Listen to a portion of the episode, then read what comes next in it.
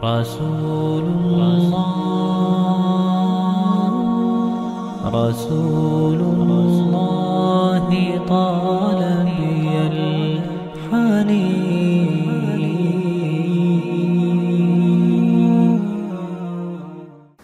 Assalamu alaikum warahmatullahi wabarakatuhu. Zahvala pripada Allahu subhanahu wa ta'ala, salavat i salame donosimo na njegovog poslanika i minjenika Muhammeda sallallahu alaihi wa sallam, na njegovu časnu porodicu, na njegove ashabe, na sve one koji ga slijede do sudnjeg dana.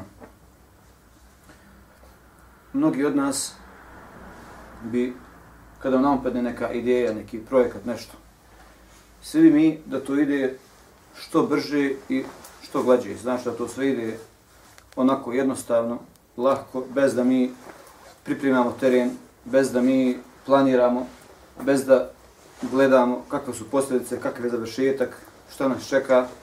Znači, mi bi svi da bilo koji naš projekat, bilo kakvi planovi naši, da se radi o učenju, o treniranju, o davetskim projektima, o bilo čemu, mi bi svi da to nekako ide vrlo lako. Mi bi najradije da najveće legnemo, ujutro se probudimo, ono sve stvari, ok, pravda je tu, nema to, islam se proširio, ljepota živa, nikakvih problema nema. Znači mi ono, samo najveće legnemo, ulicu, probudimo, sve je super. Ko što bi mi volili da bude. Međutim, naše želje su jedno, a realnost je nešto sasvim drugo.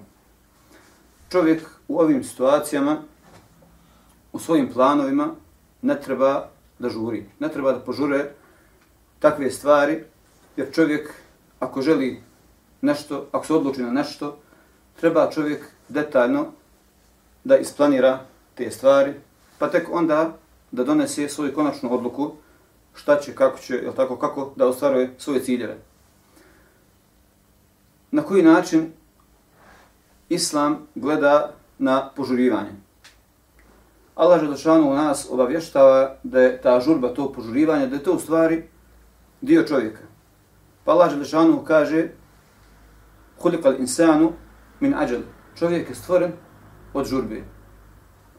Čovjek je stvoren Allah ga je tako stvorio, samo bio nešto brzo, samo bio nešto da, sa što manje truda. I Allah žalno kaže u kada insanu ađula, a zaista je insan, zaista insan voli da požuruje.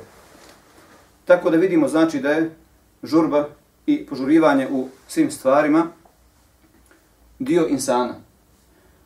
E, kad je u pitanju požurivanje, nije svako požurivanje negativno. Iako u osnovi požurivanje negativno, i to je stvar koja je šeitana, međutim u nekim situacijama požurivanje može da bude pohvalno. U kojoj situaciji požurivanje pohvalno? To je u situaciji ako smo već unaprijed nešto isplanirali ili imamo iskustva u nekoj, e, u nekoj stvari, u nekom projektu, znači već imamo iskustvo, već znamo otprilike na koji način treba i možemo da ostvarimo naš cilj, na koji način neki određeni projekat, znači možemo da odradimo, ako već znamo što nas na kraju čeka i e, koji je produkt svega toga, onda jednostavno čovjek požuri da odradi taj neki posao, taj neki projekat, bilo čemu da se radi i osnovi se na laža da šanuhu i uradi to što je isplanirao. A znači već prije toga treba da je pripremio teren, treba da je razradio znači čitav plan, šta će biti, kako će biti, moguće znači greške, moguće iskušenja na tom putu i tako dalje. I tek onda, kada je sve znači završio, ako sve sve ima pripremljeno, e onda požuri i odradi znači takav posao za koji znaš da će da je već znači spreman. Primjer ovoga sličan primjer znači možemo naći u Kur'anu e, kada je u pitanju Musa a.s., znači u jednoj priči o Musa a.s., možemo naći znači ovaj primjer žurbe koja je da kažemo pohvalna. E, Allah dželle je Musa a.s. dao mu je da kažemo vrijeme sastanka, pa malo Žešanu dao 30 dana, na to dodao još 10 dana, 40 dana kad prođe, da bude taj susret među Allah Đelešanu i Musa a.s. kada će Allah Đelešanu da razgovara sa Musa a.s. Pa kad se već znači, došao taj dan, to vrijeme susreta, Musa a.s. ostavlja svoga brata Haruna, a.s. ostavlja ga sa njegovim narodom i požurio na to mjesto gdje treba da se susretne, gdje treba da ga Allah Žešanu da sa njim razgovara. Pa ga Allah Želešanu upita, što te požurilo o Musa? Gdje ti narod, što te požurilo? Kaže, idu oni za mnom, kaže, ali onaj, požurio sam gospodaru moj, da bi ti, kaže, bio zadovoljan. Jer Musa, ali sam znači, zna šta ga čeka. Već je, znači, prošlo je 40 dana, završilo se sve vrijeme, sve to što je isplanirano, znači, već je završilo. Još samo šta čeka da dođe na to mjesto u vrijeme i da razgovara sa Allahom Želešanom. Pa je Musa, ali sam, nakon što je sve bilo pripremljeno, požurio Musa, ali sam, da se vidi sa Allahom Želešanom. Da bi Allah Želešanom sa njim bio zadovoljan. Uađil tu rabi li tarda. Ja, gospodar, ja sam, kaže, požurio da bi ti, kaže, bio zadovoljan. I svjestan je Musa, ali selam, blagodati razgovora sa Allahom Želešanu i svjestan je, znači, koji je krajni cilj, svjestan je bio, znači, tog čekanja koji je, da kažem, bio dio tog plana, 40 dana da se sačeka, da bi na kraju sa Allahom Želešanu razgovarao. I to je, znači, primjer kada čovjek treba da požuri u situaciji kad već znaš, isplanirao sve, odradio, znači sve pripreme i na kraju dolazi samo ta, da kažemo, kruna i s tim završavaš projekat i normalno požuriš, nećeš odgađati ono što je dobro za tebe. A onaj drugi dio, negativni dio požurivanja, jeste kada čovjek hoće da požuri nešto, međutim, nisi šta pripremio, niti zna šta ga čeka, jednostavno onako mrskom da čeka nešto, želi da što prije uradi nešto, da u što krećem vremenu da više postigne, i to je ta neka negativna vrsta požurivanja. Jedan od primjera koji, da kažem, liči na ovo, jeste hadis u kojem se kaže, odnosno koji prenosi Habab ibn al-Arat, radijallahu anhu, ashab, koji je u Mekki zajedno sa sahabima, znači svi su doživljavali raznorazne iskušenja. Znači, kuriješi, mušnici su ih mučili na raznorazne načine, imali su razne iskušenja. Pa, između ostalog, on imao iskušenja da su ti ljudi koji su bili nadležni nad njim, znači oni koji su imali snagu i vlast svojim rukama, pa su ga mučili na raznorazne načine kada saznao da je primio islam. Pa uzimali, znači, užare željezo, pa ga po leđima i po glavi, znači, s tim muče, pa su ga vukli po žaru i s njegovim tijelom gasili, znači, taj žar i tu vatru. Znači, mučili su ga na teške načine. Pa otišao kod poslanika, sallallahu alaihi wa sallam, i zamolio, kaže, Allah, poslaniče, kaže, moli Allah, želešanu, da nam radne, kaže, što prije izlaz, što prije da nam radne pobjedu i pomoć. A poslanik alaihi sallam je bio u hladu Kaabi. Pa kaže poslanik sallallahu alejhi ve sellem, zaista su kaže oni koji su bili prije vas iskušavani zbog svoje vjere. Pa kaže toliko su bili iskušavani da bi kaže iskopali nevjernici rupu i stavili bi kaže vjernika u rupu da mu samo viri glava pa bi kaže uzeli testeru železnu i stavili mu kaže na glavu i tražili od njega da ostavi vjeru. Pa kaže odbio bi.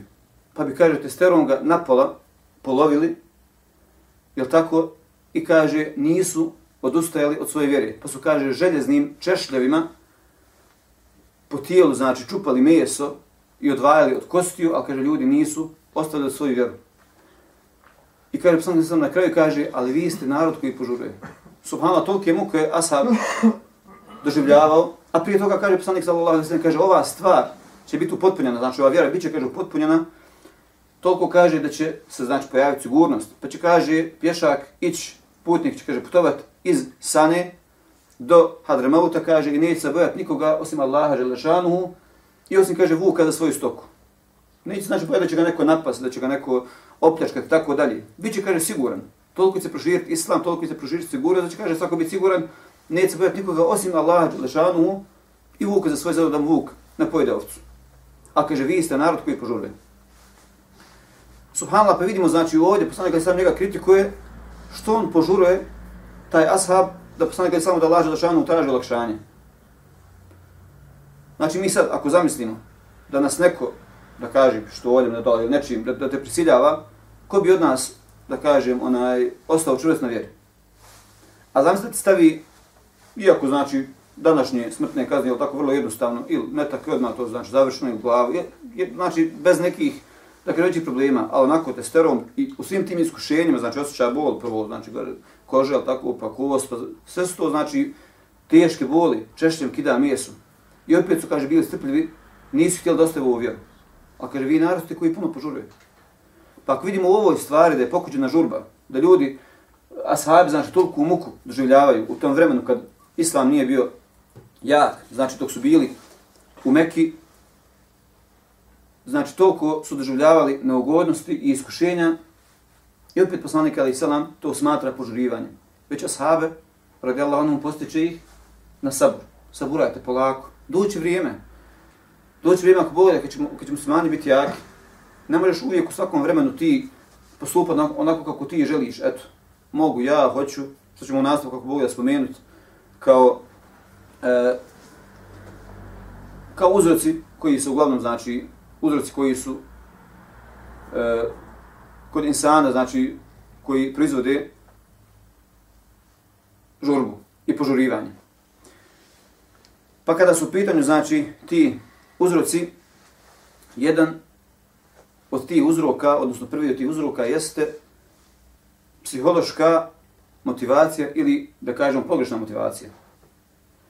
Neko se motiviše na neki način, bilo da se radi o učenju, bilo da se radi o treniranju, bilo da se radi o nekim projektima, pa neko hoće znači da se malo motiviše, međutim, pogrešnu motivaciju nađe, pa recimo neko ko nema iskustva, da kažemo, u treniranju, na primjer. Nađe neki video kako je naš malo motivirajući video, kako treba da se trenira vamo, tamo i on odmah ode film u teretanu, trpa sebi tijegova, zakuju ga, razumiješ, slomi se čovjek, ne može ništa, ne možeš tako na takav način. Kad može takav, znači, e, da kažem, ta neka motivacija, kad je korisna u situaciji, ako si ti već iskusan, treba samo nešto da napreduješ.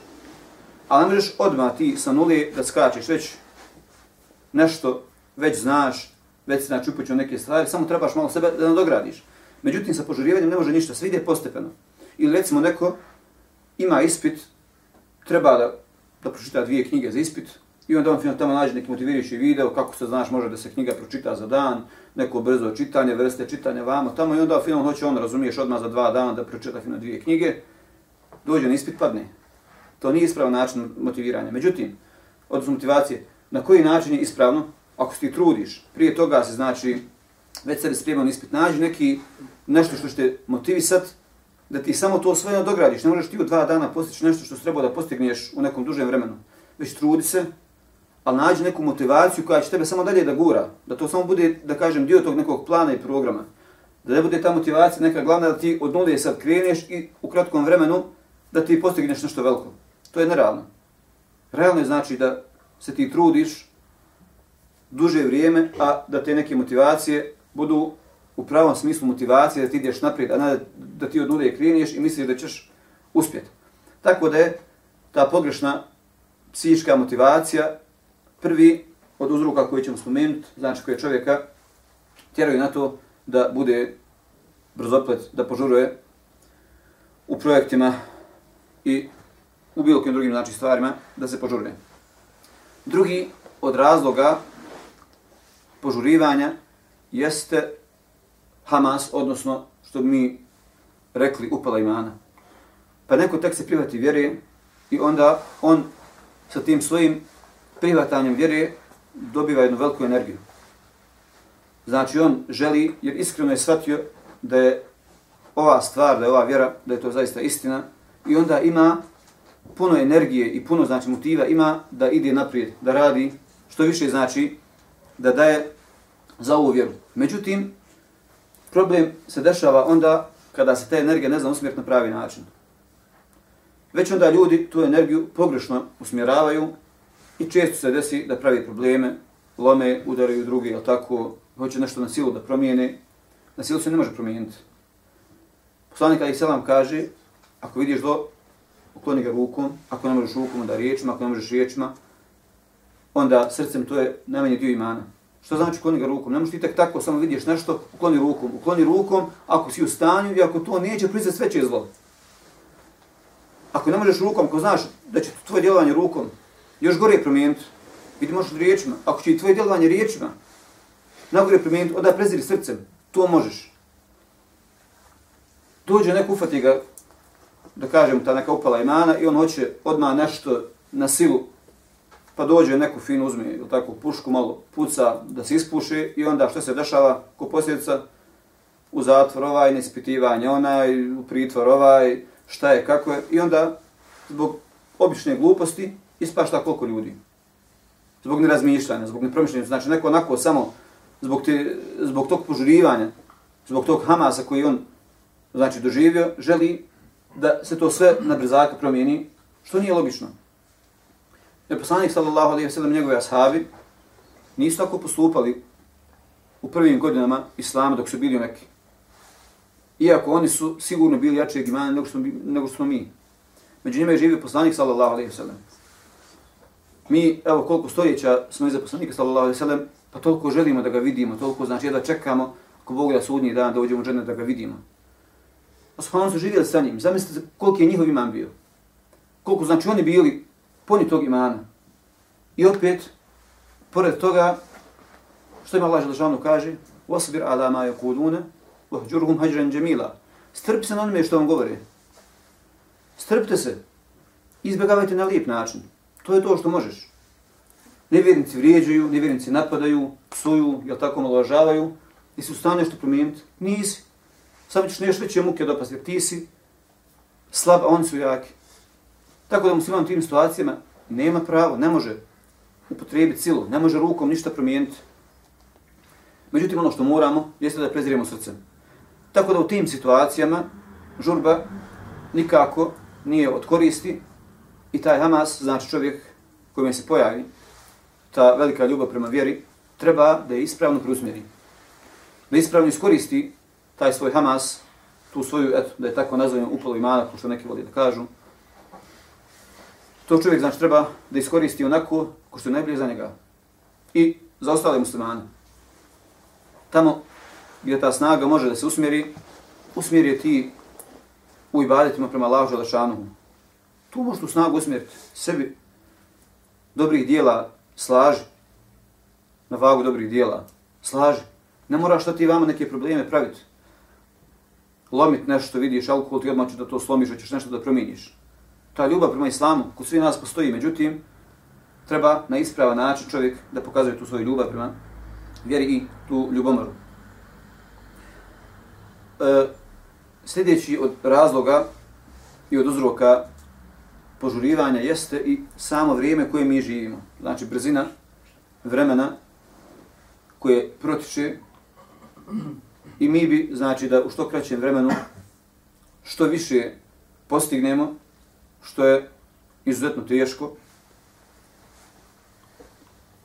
Navikli smo na život gdje koji se odvija ubrzano, pa ti moraš, odješ na posao, oni koji radi vrstu posla ima svoju normu, on mora određeno vrijeme, toliko i toliko da postigne. Međutim, te stvari se ne mogu preslikati u drugim stvarima. To što mi moramo da živimo predivnim životom ne mora znači da se mi moramo i brzo da i baditimo tako, brzo da drugi stvari praktikujemo. Već treba da nekako tu vagu držimo kako treba na realan način, znači da e, ono za što treba više vremena, da mu damo to pravo, ono gdje može ili gdje mora brzo, tu da ide brzo, ali ne smijemo da svoj život uskladimo sa tom brzinom koju živimo u današnjem vremenu. Već ono gdje nam treba više vremena, dajemo vremena. A tamo gdje se može, gdje utaban put da se može brže raditi, tamo ćemo normalno požuriti da budemo što produktivniji. Također, od razloga ili od uzroka jeste neprijatelj i njihov trud. Znači, neprijatelj koliko se trudi. Kad vidimo, znači, koliko se neprijatelj trudi da širi svoje ideje i svoje zablude i onda onaj koji vidi neprijatelje kako oni rade, kako se trude za svoje zabludile ideje, onda iz ljubomore prema vjeri želi da sve to promijeni preko noći. Želi da ih spriječi, da požuri i da ih zaustavi. Međutim, to je nerealno. Ne može sad neko otići i da ih fizički napadne i da im uništi šta ja znam, neko se bori recimo preko Facebooka, plasira svoje ideje, neko na ovaj, neko na način, ti sad odeš, uništiš nešto, šta ćeš postići, opet ništa, ode ti u zatvor, on kupi drugi kompjuter, nastavi svoje ideje da plasira. Međutim, šta čovjek treba da radi? Suprotno tome. Znači, nećeš požurivati. Već ćeš sjesti ili sam, ili sa ljudima koji su iskusni, ili tako, pa plan, ako već želiš, ako su ljubimoran na Allahu, želiš onu vjeru, šta ćeš uraditi? Isplaniraj, jedna grupa isplanira, pa kaže, znaš, dogovore se, da vidimo na koji način nevjernici djeluju, na koji način plasiraju svoje ideje. Pa kaže, preko toga plasiraju, preko televizije, preko interneta, preko radija i tako dalje. Znači, napravi se neki plan. Kako će se pred toga boriti? I ti plasiraj. Pojasni njihovu zabludu. Pa kažeš, evo, ja mogu nekako preko interneta, pa vidiš tamo istražuje se malo šta oni plasiraju, to i to. Ajmo napraviti mi plan i mi da plasiramo. Istina će uvijek biti gornja. Istina će na video doći. To je ispravan način, isplaniraš, napraviš sebi neki plan. Šta će biti krajnji cilj, na koji način, koji su najlakši putevi da se do toga dođe. Jer više glava normalno bolje razmišlja. Tako da, to je ispravan način na koji treba da se radi protiv iskrivjelih razmišljanja. A ne, znači, kroz to pa da se od problema napravi još veći problem. Također, e, od razloga jeste i raznovrsnost grijeha koji nam se plasiraju. Pa ljudi, znači, ne znaju i nisu u stanju kako da se bore protiv svih tih grijeha koji je, znači, i na pretek i nema tog grija, a koji nije ponuđen i koji nije olakšan da čovjek počini takav grijeh.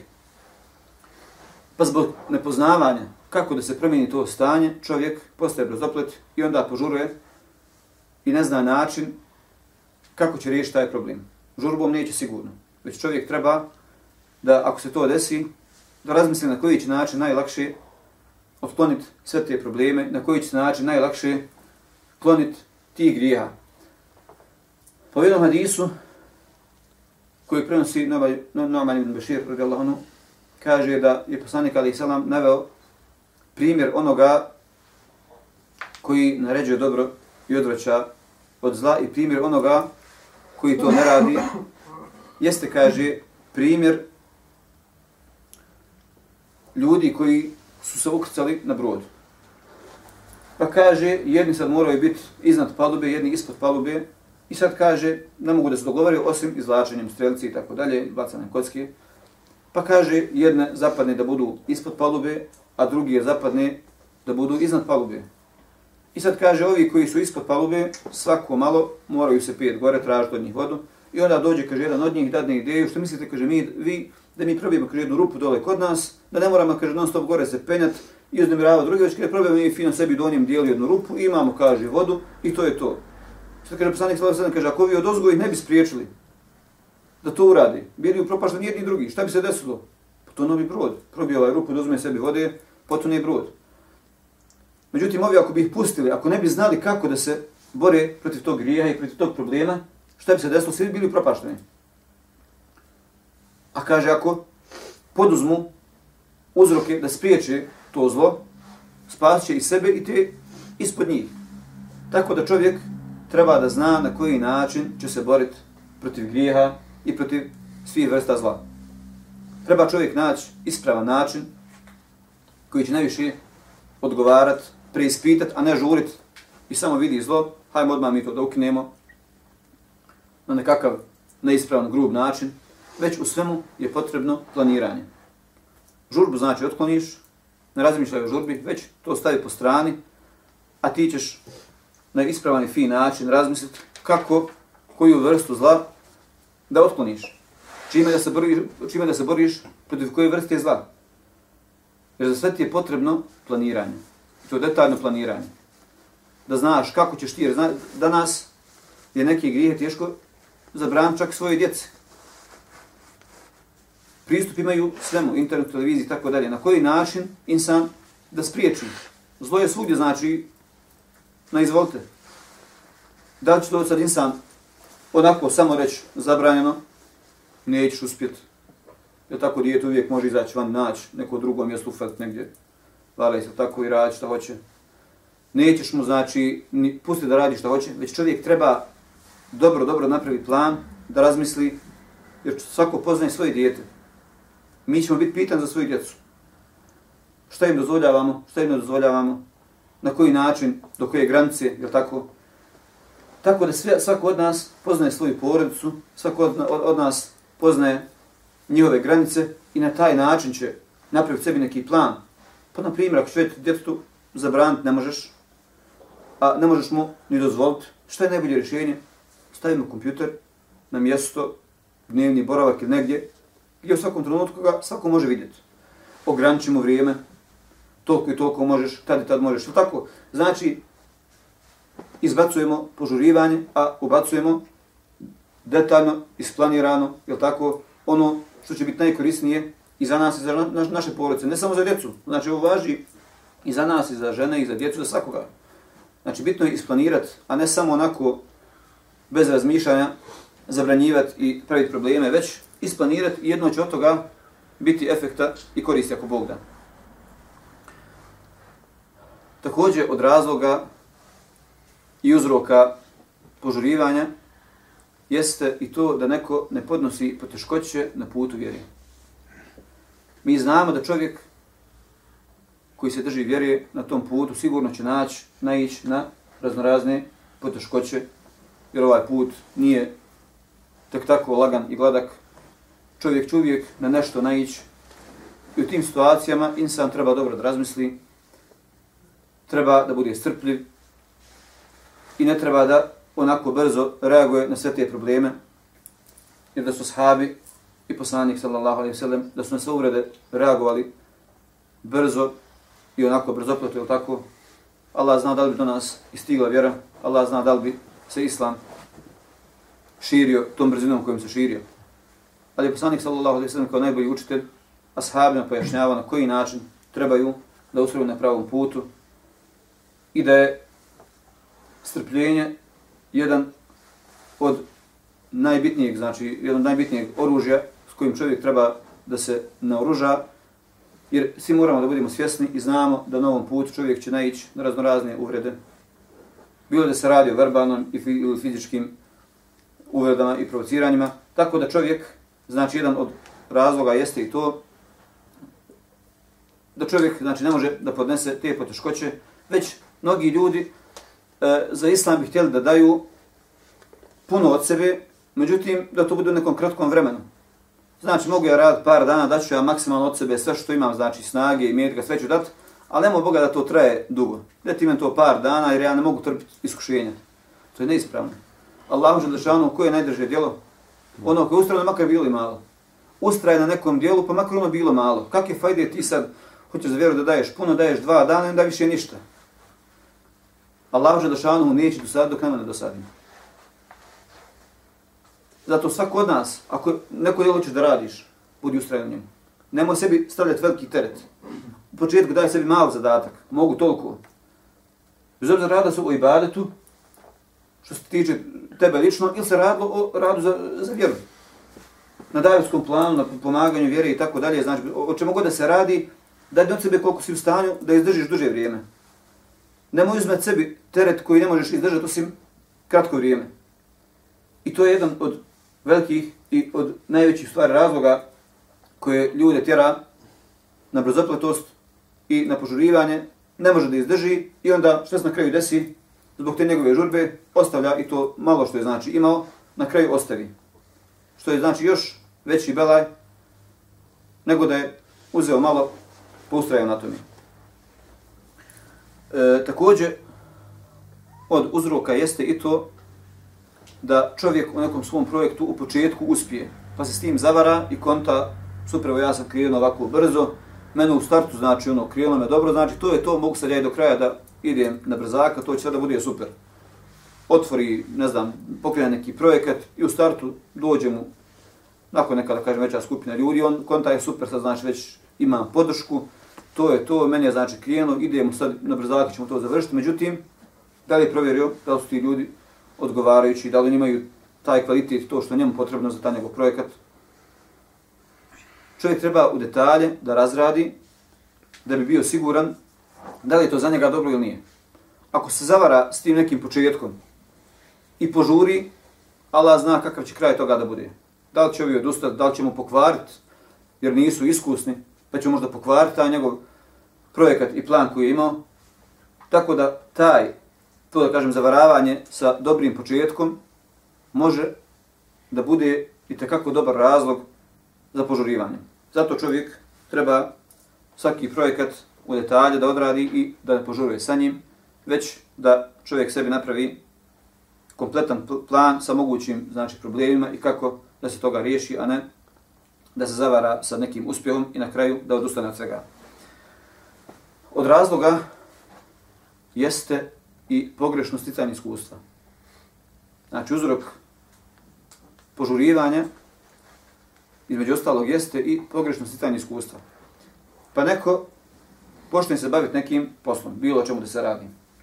Vidi recimo nekoga kako uspješno u nečemu. Evo na primjer neko uspješno se bavi pčelarstvom. I kaže, vidiš, mogu bi onda i ja. I uzme jednu knjigu, malo pročita kako se, šta se radi, razumiješ, i kada je super, ovo je lako, sad ću ja fino onaj, sebi kupiti par košnica, par rojeva, vamo, tamo i konta, to je to. Mogu ja to brzo, ne moram ja za to ići nešto već. Ovo je lako i šta će se na kraju desiti, propašćem sve. Tako da teorija u ničemu nije dovoljna. Čovjek, ako hoće da stekne neko iskustvo, mora da poznaje teoriju, a mora i da zna i praksu od iskusnih ljudi.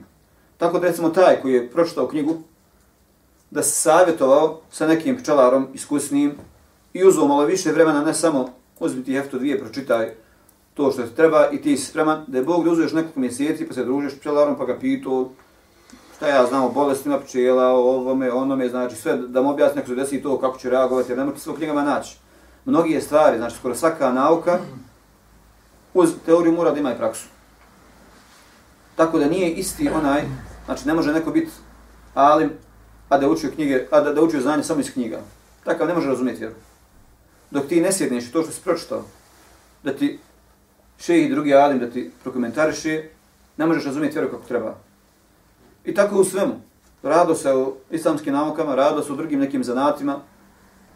Iz teorije se ne može naučiti. Već je potrebno da čovjek usto se savjetuje sa iskusnim ljudima, da uzima da uči iz, da kažem, tuđih grešaka. Svi ti znači koji su u nečemu iskusni, neminovno su nailazili na neke greške, poteškoće i čovjek treba da se njihovim iskustvom, znači, okoristi i da ih pita za savjete, da bi na kraju, kako treba, iznio čitav taj neki projekat, da bi mu uspio.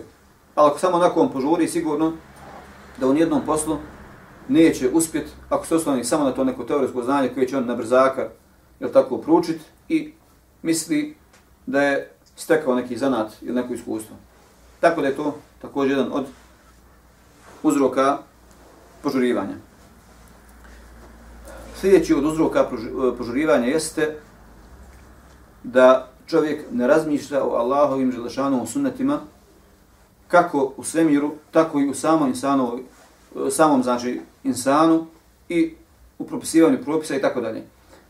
Pa čovjek ako razmisli o načinu na koji Allah Želešanu stvorio svemir, stvorio, pa Allah Želešanu kaže, ako o tome znači razmislimo da Allah Želešanu što je stvorio nebesa i zemlju šest dana.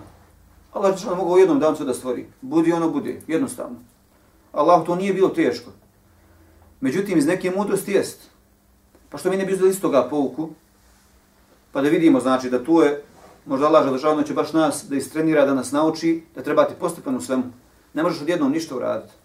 Postepeno radi. I recimo Allah Đelšanu daje nam primjer u našim dušama. Kako dočistimo svoje duše. Ako hoćeš da nešto postigneš, da bi neko uspio u nečemu, znači mora dočistiti svoju dušu. A taj proces je i tekako težak taj proces ne može nikako desiti preko noći. Duša se naša ne može žrtvovat dok ne bude čista. Ne može od sebe znači dati puno ako je nisi očistio. Kad aflaha men zakaha, o kad haba men desaha, uspije onaj koje očisti, a propaje onaj koji je u strampoticu odredi. Pa onda iz ovoga vidimo, ako, ne mo, ako duša se ne može žrtovati dok je ne očistiš, a to očišćenje je dug proces, pa onda i sve ostalo ne možemo tek tako na brzak, već mu treba dug proces da bi nečem uspjeli. Pa također, iz čega možemo uzeti pouku o bitnosti te postepenosti, a ne požurivanja, iz toga da laže Lešanomu kada, znači, mnogi propise koji su propisivani ili zabrane koje su zabranjivane, zabranjivane su postepeno. Pod primjer, je tako, svima poznat, zabran alkohola. Allah Lešanomu nije odjednom zabranio. Postepeno u jednom ajetu objašnjava je tako kako se pravi onaj, koje su u alkoholu znači ima štete i koriste, tako čega se pravi. Po drugom ajetu nemojte klanjati kad ste pijani. Znači nije zabrano, ajetu nemojte na namaz stajati kad ste pijani. To je kasnije nekad znači da je to stvar, šetanska stvar, da je to prljava stvar, sa alkohola. Nije ali rešano odmah rekao sa alkohola, već postepeno. Isto ga treba mi da uzmemo pouku, da sve stvari koje u životu radimo, sve projekte treba da budu postepeno isplanirani. Jer ništa nije bez nekog razloga. Sve ima neku svoju mudrost. I svega treba da izvlačimo, da razmišljamo Allahom i Želšanu ajetima. Da vidimo šta možemo da se okoristimo iz određenog događaja, iz određenog ajeta, iz određenog propisa. Znači, treba da razmišljamo Allahom i Želšanu ajetima kako će to uticat na nas. I zadnja stvar koju ćemo znači spomenuti kada su u pitanju uzroci, kao i svakoj drugoj negativnoj stvari, između ostalog što utiče na insana, jeste njegovo okruženje, njegovo društvo. Pa ako se insan druži sa pogrešnim ljudima koji su u životu onako brzopleti, koji sve stvari hoće onako brzo da završi, i on će od njih da pokupi takvu osobinu, i on će vremenom postati brzoplet i požurivat će u svim svojim stvarima, a neće to raditi na ispravan način.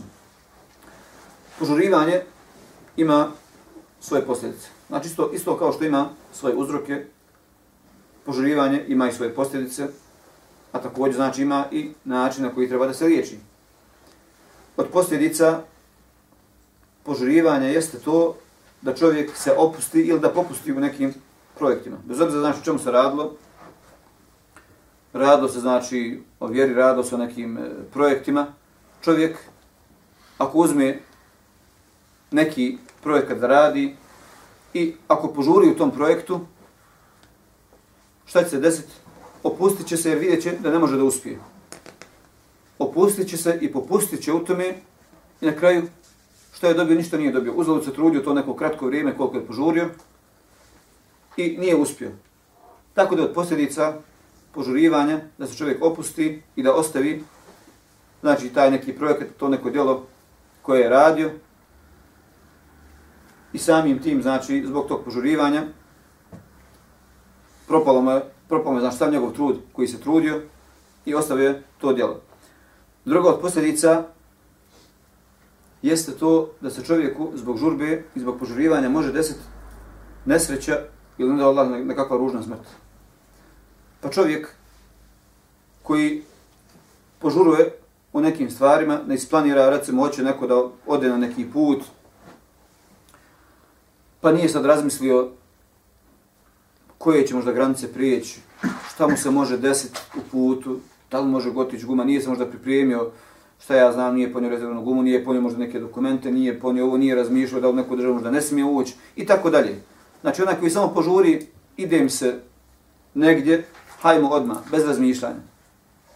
Može da ga zadesi kakav bela ili ne dolaž šanu da ga zadesi ružna smrt zbog tog svog požurivanja što nije isplanirao bilo čemu, ne samo putovanja, bilo čemu da se radi, ako insan ne isplanira kako treba i ne razmisli o posljedicama i o krajnim rezultatima, u najmanju ruku će mu propast projekat, a ne dolaž da šanu može imati i ružan završetak.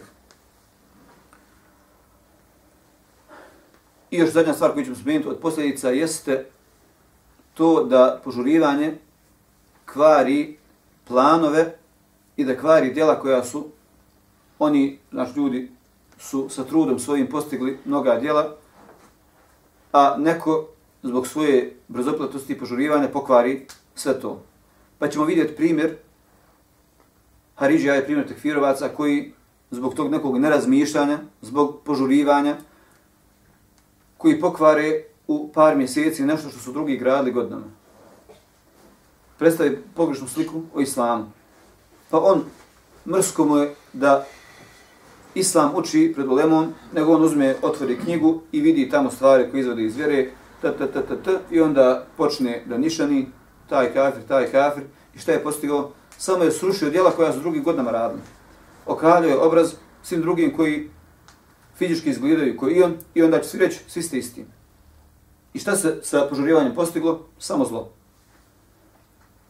Da neko uzme, pa na ispravan način, izučava vjeru, je tako, pročita, pa pred šehom, prošeri, pa šta ovo znači, pa koji situacijama postoje li možda, postoje li izuzeci, pa da li to ima opravdanje za znanjem i tako dalje. Znači, iščita u detalje, da je tako, da tako neko postupi, sigurno, da ne bi bilo tih ružnih posljedica. Međutim, neko zbog svoje, zbog svog požurivanja, upropasti ono što su ljudi godinama se mučili i radili. I zadnje što ćemo spomenuti u par tačaka jeste liječenje na koji način čovjek će kod sebe izliječiti ovaj problem. Kao prvo, čovjek treba da razmišlja o životu poslanika sallallahu alaihi wasallam i njegovih ashaba i prvih generacija, na koji način su oni živjeli, na koji način su oni trudili, na koji način su oni neke projekte znači, pokretali. Svako je od njih imao nešto na čemu je htio da radi, pa na koji način su oni uspjevali. Šta je bio razlog njihovog uspjeha? Da izlačimo znači iz Sirije, a možemo puno izvući iz mnogo događaja znači koji su spomenuti, možemo da kažemo to neko planiranje ili iz bitki poslanika sallallahu alejhi ili uopšte ono iz njegovog života prije hidžre ili posle hidžre, znači možemo da izvučemo veliku korist na koji način su oni živjeli i da iz njihovog života i djelovanja uzmemo pouku. Drugi od načina kako ćemo da liječimo ovaj problem jeste da se savjetujemo sa iskusnim i učenim ljudima. Pa ako želimo da se riješimo našeg požurivanja i da uspijemo u nekom projektu, treba da učimo iz tuđih grešaka, a ne mi da osjetimo te greške na svojoj koži. Pa šta god treba da radimo, pitajmo nekoga, ako nismo sigurni, ako nemamo u tome iskustva, ti si radio to i to, da Boga, recimo šta, na koji način ću ja to, da ne sad ja upao iste greške, koji ti da ja sad malo put skratim, čovjek će sebi olakšat. Jer ako neko dadne savjet, a on se opekao na njemu, uzmi, ko ti brani da uzmeš savjet? Okoristi se od toga. To ti blago od Allaha da šanu. Jer neko se možda trudio mjesecima, godinama, mjesecima, godinama, znači da nešto skonta kako bi olakšao, kako bi skratio put do nečega i sad ti hoćeš opet iz početka. Ako već Allah Želešanu dao da imaš iskusne ljude, da ti već neku tabu put zbog čega da se insan muči. Tako da ćemo svoje požurivanje u bilo kojem projektu riješiti na način što ćemo se savjetovati sa iskusnim ljudima po tom pitanju, znači ono što mi želimo da uradimo. Treća stvar jeste da precizno napravimo plan i program, pa da razmislimo koji nam je u stvari krajni cilj. Pa da kažeš cilj mi je to, to, to i to. Dobro, šta mi treba na putu ka tom cilju, treba mi to, to, to i to, je tako? Koji su mogući, znači, e, mogući problemi? Pa kažeš sebi mogući problemi, ti, ti, ti, ti. Pa št, koja su sada rješenja za te probleme? Pa izabereš sebi najbolja rješenja i tako dalje. Znači, čovjek sebi treba da napravi kompletan plan prije nego što počne bilo koji projekat i samim tim sebi će sačuvati od žurbe, već će detaljno sebi imati u, u koracima, trebam prvo raditi to, pa uraditi to, pa uraditi to i samim tim čovjek će ako Bog da uspjet uz Allaha državnu pomoć, sačuvati sa vam problema koje prouzrokuju e, žurba i požurivanje. I zadnje jeste da se čovjek bori sam sa sobom, dočisti svoj nijet, da Allah želešanu uvijek upućuje dovu, jer to je oružje koje mi muslimani imamo, ako je jedno od najjačeg oružja. Znači uvijek se boriti sam sa sobom, pa kad nas god šetan natjera da nešto hoćemo da uradimo brzopleto, da povučemo ručnu, pa da razmislimo da li je to korisno za nas, da li nije, na koji ćemo način se sačuvati posljedica i sa tom borbom, jer svako, znači, ko Allah kaže da je to dio nas. Insan je stvoren od žurbe. E onda čovjek, ako već je svjestan da je stvoren žurbe, ako je čovjek svjestan da je to dio njega, onda je logično da čovjek treba da se bori sam sa sobom, sam protiv tih nekih svojih protjeva, protiv toga, znači što je dio njega, i na takav način čovjek će u svim stvarima, ne samo po žurivanju, već će u svim stvarima, ako Bog da, čovjek uspjeti. On ima laže da mu, da nam olakša da svaki naš projekat koji želimo da uradimo, bilo da se radi o ibaditima, bilo da se radi o davetskim projektima, o dunjalu, sistemu znanja, bilo čemu, da nam laže da svima nama olakša da ispravnu odluku donesemo, da ispravno isplaniramo sve to što ćemo raditi. On Allah laže da da ovo druženje bude dokaz za nas, a ne protiv nas, nas Allah Želešanu, kao što nam se ovdje sakupio, da nas sakupi u džennetu u društvu poslanika i njegovih ashaba. A zadnja dova je neka hvala Allah gospodaru svjetova i neka salavat selam na njegovog poslanika sallallahu alaihi wa sallam.